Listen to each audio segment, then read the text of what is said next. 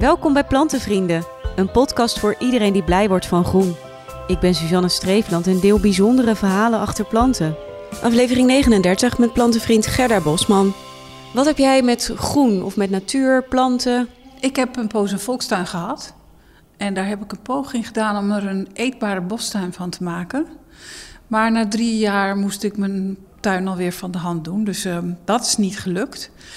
Maar uh, ik heb wel een enorme zoektocht ondernomen naar hoe kan je nou een eetbare tuin maken. Mm, waarin je zo min mogelijk werk hoeft te doen. Dus ik ben eigenlijk dol op planten die het op hun plek naar hun zin hebben. En die je heel goed kan stekken. En ik ben dus ook eigenlijk heel goed in stekken geworden.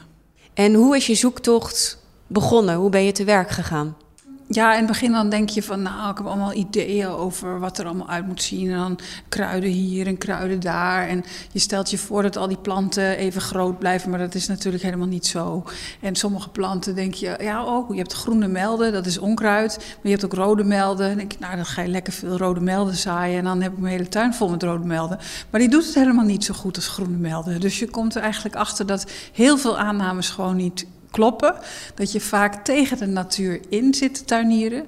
Terwijl je moet ontdekken hoe je eigenlijk mee kan tuinieren. Dus kijk naar de planten die het wel naar hun zin hebben. En de planten die het naar hun zin hebben splitsen en dan uh, meer plek geven. En sommige planten, ja, als ze eenmaal opgefroten zijn, de slakken ook maar niet meer aan beginnen. Oké, dus eigenlijk ook gewoon accepteren van, nou, soms mislukt het. En uh, soms ontdek je dus dat planten het heel goed doen en daar gewoon op doorzetten. Precies, ja. ja. En uh, dat is wel een mooie uh, uitdrukking, die heb ik van Corlijn. Ik heb een boek geschreven over tuinieren en wetenschap. de tuin als lusthof en slagveld, dat heb ik samengeschreven met Corlijn. En Corlijn de Groot. En zij bedacht wel een hele mooie term voor deze vorm van tuinieren, namelijk Darwinistisch tuinieren. Dat is dus eigenlijk ja, je zet wat in je tuin en dan ga je observeren en kijken hoe die planten het met elkaar uitvechten. En een van die observaties was wellicht wel de Japanse wijnbes. Ja, ja, ja ik, dat is wel leuk. Ik had ooit een keertje één stekje gekregen van mijn vader. Die heb ik heel lang in een potje gehad. Ik denk wel acht jaar of zo. Dat werd niet echt wat.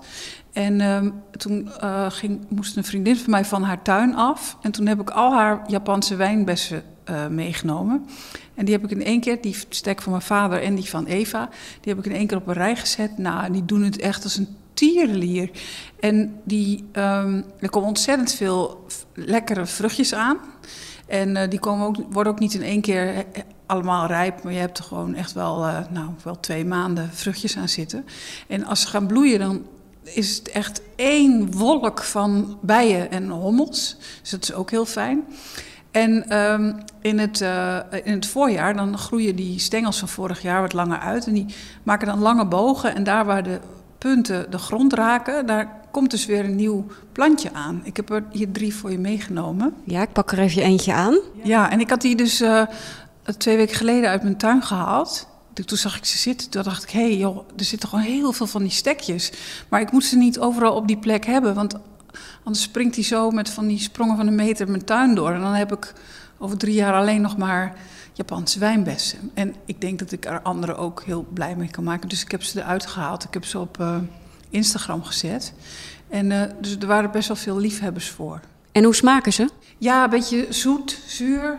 Echt wel lekker. Eigenlijk is het ook een beetje, als je een beetje aan het werk bent in de tuin, is het hier en daar wat planten erin te stoppen, uit te trekken. Dan is het ook wel fijn om ze nu en dan eventjes weer te kijken van, uh, valt er nog wat te snaaien hier? En uh, ja, het is gewoon een hele fijne plant om te hebben. Je moet er wel wat ruimte voor hebben. En het is ook, er zitten stekels aan, dus hij is ook goed tegen inbrekers. Oh ja, inderdaad. En die Japanse wijnbes die is dus vanuit Japan naar Nederland gekomen? Ergens een Oost-Aziatisch land. En daar is hij ooit uh, Japans genoemd. Maar volgens mij is het niet per se een Japanse plant. En hoe groot wordt hij ongeveer? Nou, hij kan echt heel erg groot worden. En dan is die, voor mij, die vind ik al best wel oké. Okay. Er komen ook heel veel vruchten aan. Maar ik heb ze op de, um, op de uh, tuinvereniging... heb ik ze echt wel drie meter hoog uh, zien worden. Dan is het echt een enorme bos met allemaal uh, staken... die omhoog gehouden moeten worden.